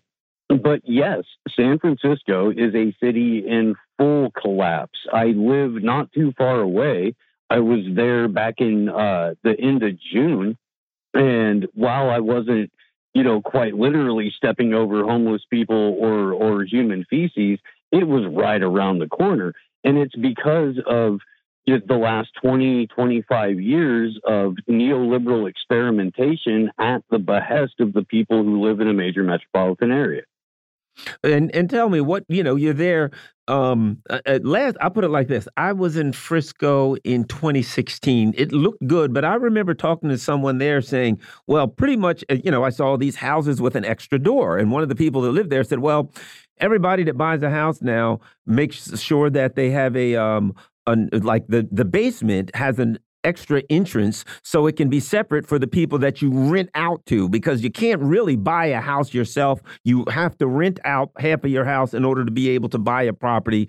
And this was in 2016. And now here we are a few years later. And it is, from what I understand, you can just forget it. This is this is neoliberalism. This is feudalism, where you have a wealthy class of nobility and the rest of the people wandering around like it's World War Z. Well, and California is still the, the fifth or sixth largest economy in the world. We also have the largest number of homeless people in the United States. And that's not because we have great homeless services, it's just because there's decent weather. The I 10 in Los Angeles had to get shut down over the weekend because a homeless encampment caught on fire. They were pirating electricity and it got out of hand. There was a short and the whole overpass now. There's a section that's going to have to be replaced because it, the concrete was so damaged at structural level from the fire that they can't keep it. The, that's a that's a failure of a state with the number five or six economy in the world to do anything reasonable in terms of housing, in terms of cost of living overall, in terms of job creation. it, it is a microcosm of the West in terms of its imminent collapse. But I got to tell you, it's it's uh, wild to watch living here. You know, and and you know, the, certainly if you look at that article, it's there's a certain partisanship. You know, oh, it's the Democrats. It's a Democrat-led city. You know, I remember a few years, uh, 2006. I was just driving through Mississippi back then, right? And I'm driving through these small towns, and I was just shocked at what I saw. I saw this one town. In the middle of the town, there was a bunch of school buses sitting on blocks, and they had smokestacks on them where people had just taken a bunch of old rusty school buses and turned them into like a little village, and they had toys and swing sets, children riding bikes around, and they just stuck them there and that was their homes, right?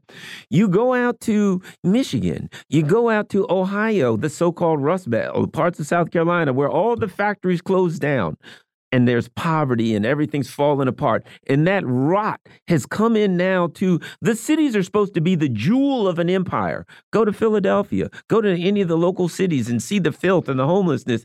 It seems like this is the rot of the United States that's gone from the so called Rust Belt, et cetera. You're familiar with Michigan and some of those places, how they've gone. And it's gone into the cities, and basically the U.S. empire seems to be rotting away. Your thoughts? Harland, I, I grew up in a town called Anderson, Indiana, which was a GM General Motors factory town. Uh, Chris Hedges, in the book America the Farewell Tour, highlights Anderson, Indiana as a cautionary tale of what happened to the U.S. post NAFTA. Once the GM plant closed down, shuttered its doors, the whole town went to hell. It's uh, you know, it's pawn shops and uh, it, what strip mall churches and like a racetrack now, and that's it. That's the whole town. It's pathetic. It, so when you when you intentionally erode the manufacturing or production base, as the West has generally, but the U.S. has gutted it over the last several decades. Uh, when you make it so that all of your food is no longer manufactured or produced where the people live, when you make it so none of the actual manufacturing or production is being done on site, you leave people completely beholden to not only the government, but to the people who run the shipping lanes and have these products to begin with. So it creates a completely captured society. And if you corner people long enough, they're going to react irrationally. And you see that in every major city and pretty much every small town now. Yeah, and and of course there's a. I, I go back to this. You know, a lot of the liberals. I'm not a liberal. I'm a far to the left of the liberals. But they argued Trump got elected because of racism. He's a Nazi. Oh, actually, they started to love Nazis after that. Interestingly enough, he, he couldn't be a Nazi because Joe Biden would have sent him 100 billion if he were. But he's terrible. He's evil. He's a Nazi. Trump, Trump, Trump, Trump, Trump. And my position always was if you look around, people are so desperate. They're looking at the system that we had. When Trump came along, he just seemed like something different. I felt like this people would have voted for anybody and put anybody in the White House as long as they felt that that person had an axe. And when they came through the door of the White House, they were going to start swinging at it and everything. And I always felt like that was what they, the way they wanted, saw Trump. It may not be that, but it was the desperation and pain of the imperial rot that drove people to look for anything. And it wasn't just, it wasn't about racism and sexism and all the isms. Steve.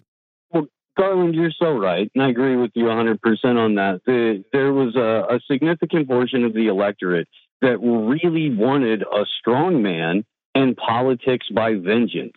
And it seems that politics by vengeance has become the just the de facto state uh, of the country at this point. The, I was I was on a show last night with a woman who was saying you know, Donald Trump's going to come in there and he's going to be a man possessed and he's going to be on his, he's going to basically take an axe to the deep state and blah, blah, blah, and the swamp and all that, you know, at this time, this time, right? Okay, sure. But if you if you're openly encouraging politics by revenge, you're encourage you're encouraging policy by revenge, mm-hmm. and you see what that looks like in Gaza right now. Yeah, it's people who are angry. And they want just to swing, the, you know, their fist at the people. I think there are people who simply look at Donald Trump and say, the ruling elite class hates him. Good. That's who I'm voting for. You know, they're going to get their revenge by voting for Trump. That being said, those of us who are trying to figure this thing out have been suffering it from uh, the uh, uh, acronyms such as EIP and DHS and CISA. We found out recently through um, work done by the um, uh, the House of Representatives that basically the Department of Homeland Security was kind of funneling money out through uh, various universities, etc etc. They were doing an end around the First Amendment. And, you know, I look at it and I see that Congress has found that that is a violation of the law. Clearly, somebody should be prosecuted. It's there. We knew it. You reported on it. I reported on it for months. Why do I get a feeling that in the end, even though the House of Representatives is going to say, there we go, we got them, that nobody's going to get prosecuted? Steve is nobody going to get prosecuted, but half of these people are going to wind up presidents of universities. It, uh, that's just how this works. In the exact same way that the National Security Agency has been the default switchboard for the entire nation since we've had a phone grid. Uh, the DHS uh, and especially CISA have been the default switchboard for what is and isn't reality on the internet or at least they've been attempting to become that. And we've seen several little pushes and, and incarnations. Uh, the what the uh, governance board, the misinformation governance board, where they tried to give us Scary Poppins and everybody laughed her out of a job, and they're like, "Okay, fine. How about Leon Panetta?" everyone went, "Wait, what?" Oh, okay.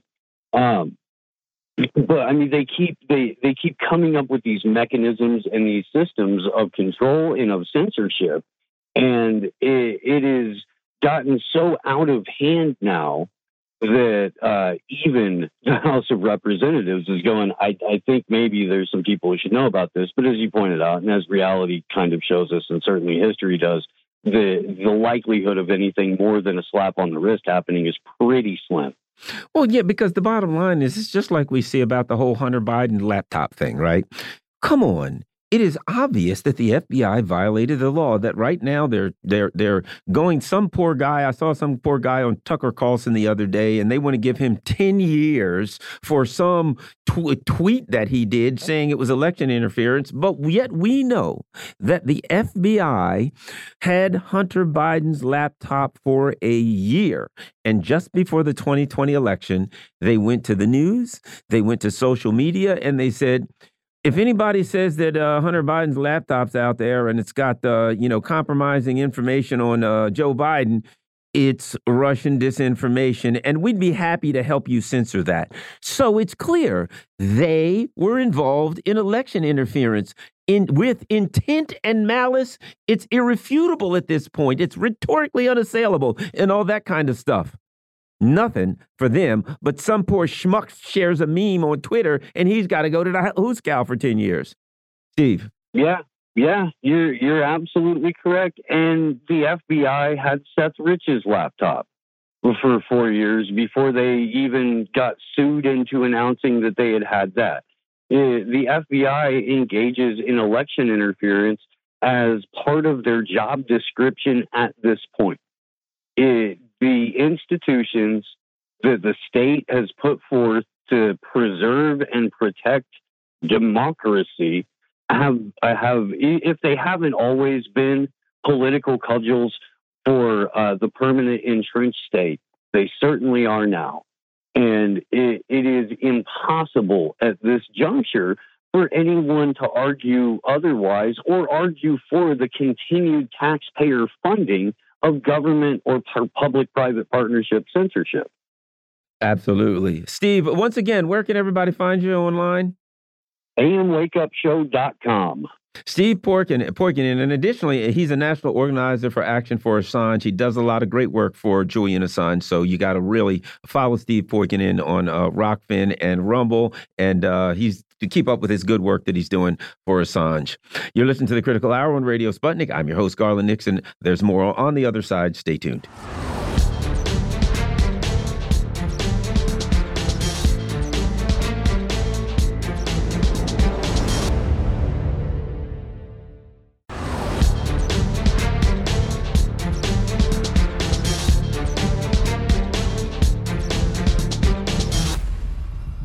We are back, and you're listening to the Critical Hour on Radio Sputnik. I'm your host, Garland Nixon, doing double duty today and standing in for my co host, Dr. Wilmer Le Leon. He'll be back later on during the week. The U.S. media is facing criticism as Israeli Prime Minister Benjamin Netanyahu recently shut down a CNN anchor during an interview. Joining us to talk about this and more, we got Ray McGovern. Ray's a former CIA analyst and co founder of VIPS, Veteran Intelligence Professionals for Sanity, and one of the sanest men I know, Ray McGovern. Ray, welcome back back to the critical hour.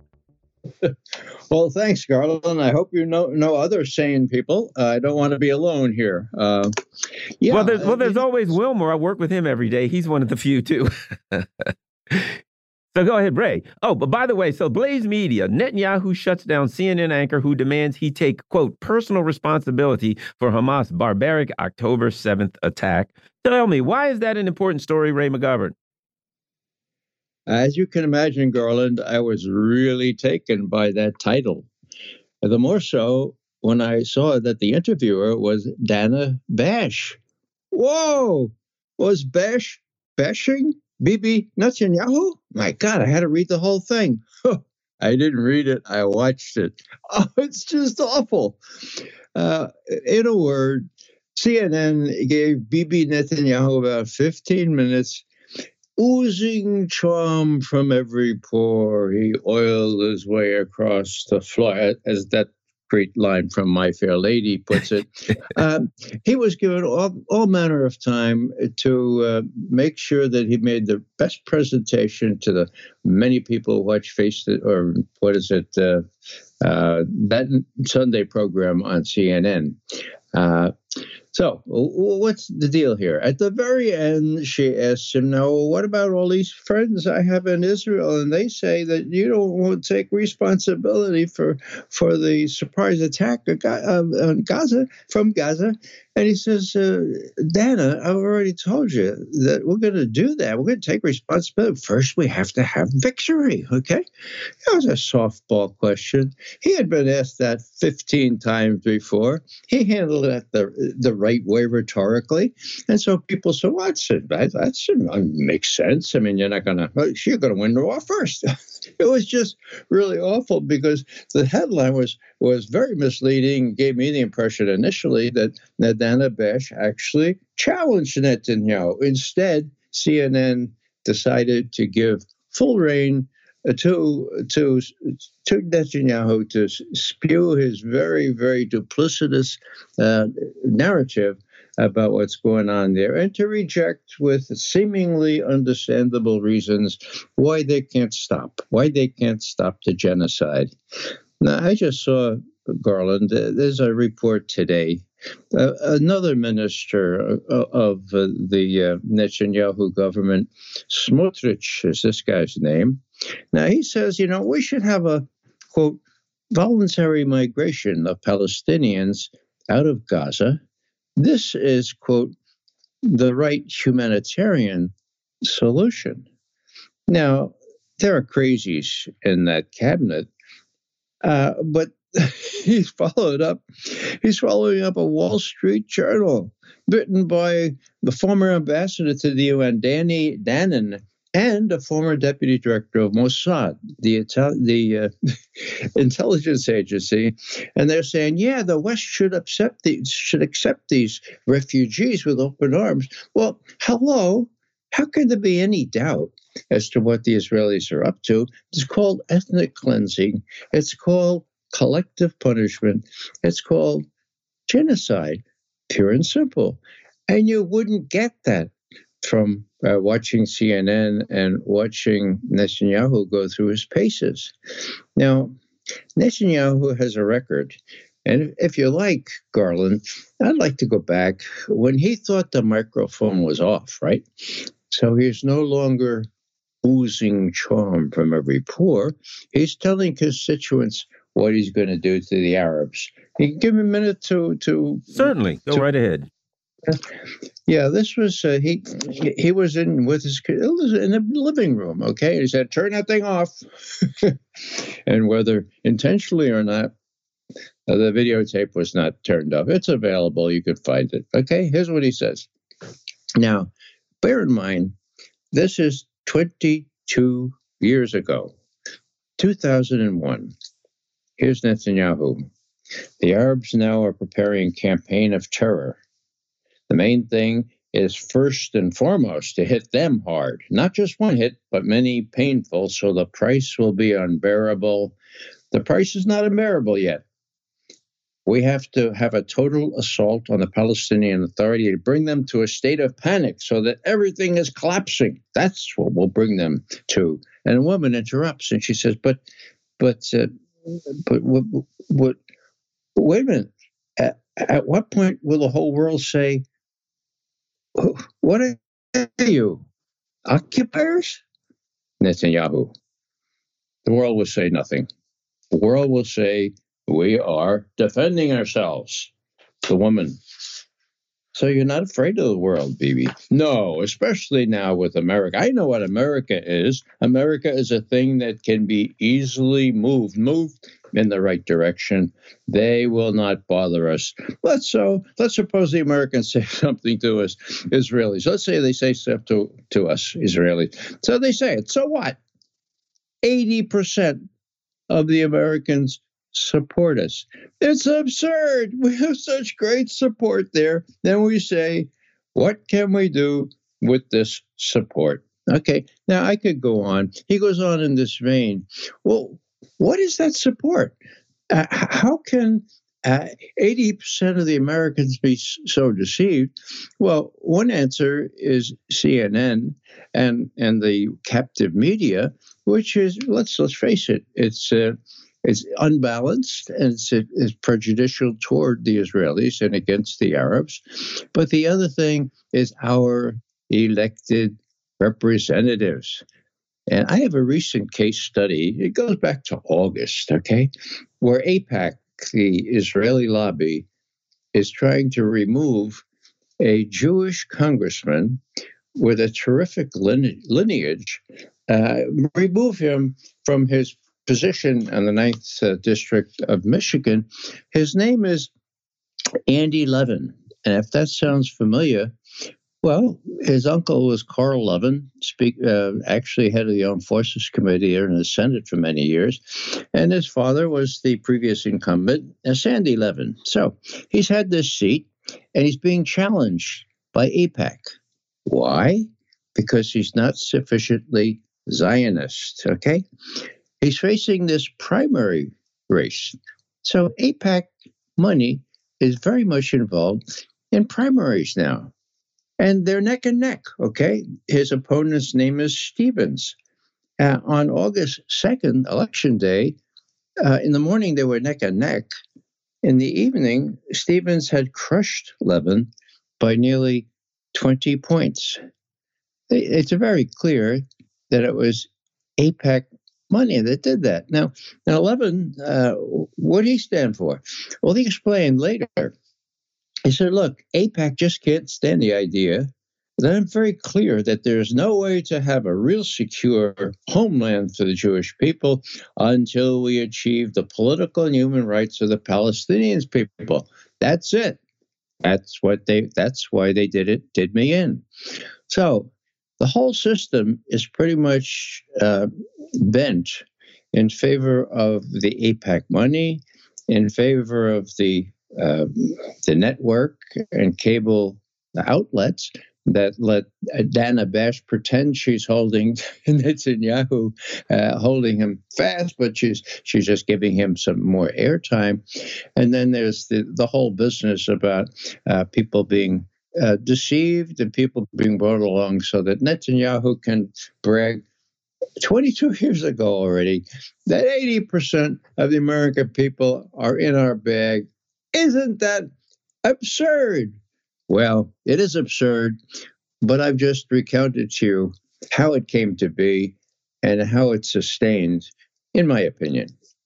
You know, Alexander Haig referred to Israel as America's unsinkable aircraft carrier. Recently, RFK Jr. referred to it uh, in the same um, context. Joe Biden has said if Israel did not exist, we would have to create it to address our interest in the region. It seems to me, and of course, you know the, um, you know the, the, basically the connections between the CIA and, and and the Mossad. It seems to me that like the most important point of Israel to the U.S. government, to the empire, is its value as an imperial military outpost in a sea of um, natural resources, namely oil, black gold, Texas tea, as Jed Clampett would say. What are your thoughts? Certainly, there is tremendous power here coming from you know very very powerful people connected to Israel. But what are your thoughts on that, Ray?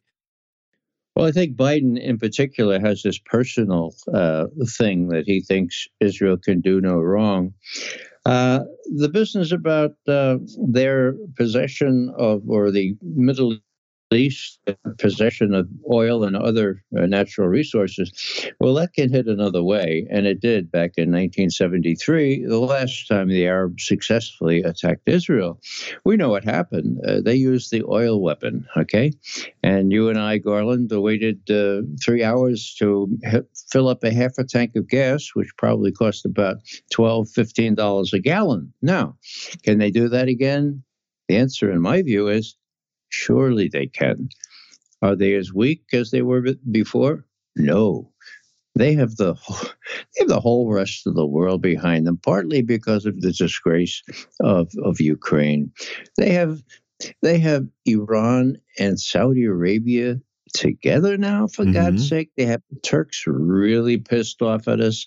We have the Arab countries that won't even uh, won't even see their premiers or their presidents won't even see Blinken when he when he travels around blindly. So the the tide has changed. The U.S. and Israel can no longer work their will in that area of the world. The problem is that Biden's advisors, Blinken, uh, Sullivan, uh, Nuland, uh, they don't get it. Uh, they think, they really think this, I come to believe, and they persuaded the president, or he already thought it too, that we are all powerful. We can work our will. We are indeed the exceptional country in the world, and we're indispensable. So, on that faulty premise, we think we can win this thing, and it's just the opposite. Now, I go back a ways. I remember when George Bush came into office, first national first National Security Council meeting. Uh, Ray, unfortunately, we got we're, we're just about out on, on, the hour. We only got about thirty seconds to get out. Okay. Well, he, he made it clear, as George Bush did, uh, that he thought that uh, Ariel Sharon was worth giving undivided, uh, completely unfettered support to. Colin Powell heard that and said nothing. So that's what we need people who, who don't sit there and say nothing. People go out in the streets and make sure that they fight for justice in this issue. Ray McGovern is a former CIA analyst and co-founder of VIPS, Veteran Intelligence Professionals for Sanity. Go to Sanity. Go to raymcgovern.com for all of his good works. You've been listening to the Critical Hour here on Radio Sputnik. Thank you for allowing our voices into your space. On behalf of myself and my co host, Dr. Wilmer Leon, we hope you were informed and enlightened. We look forward to talking with you all tomorrow, right here on Radio Sputnik. Be safe, peace, and blessings. We are out.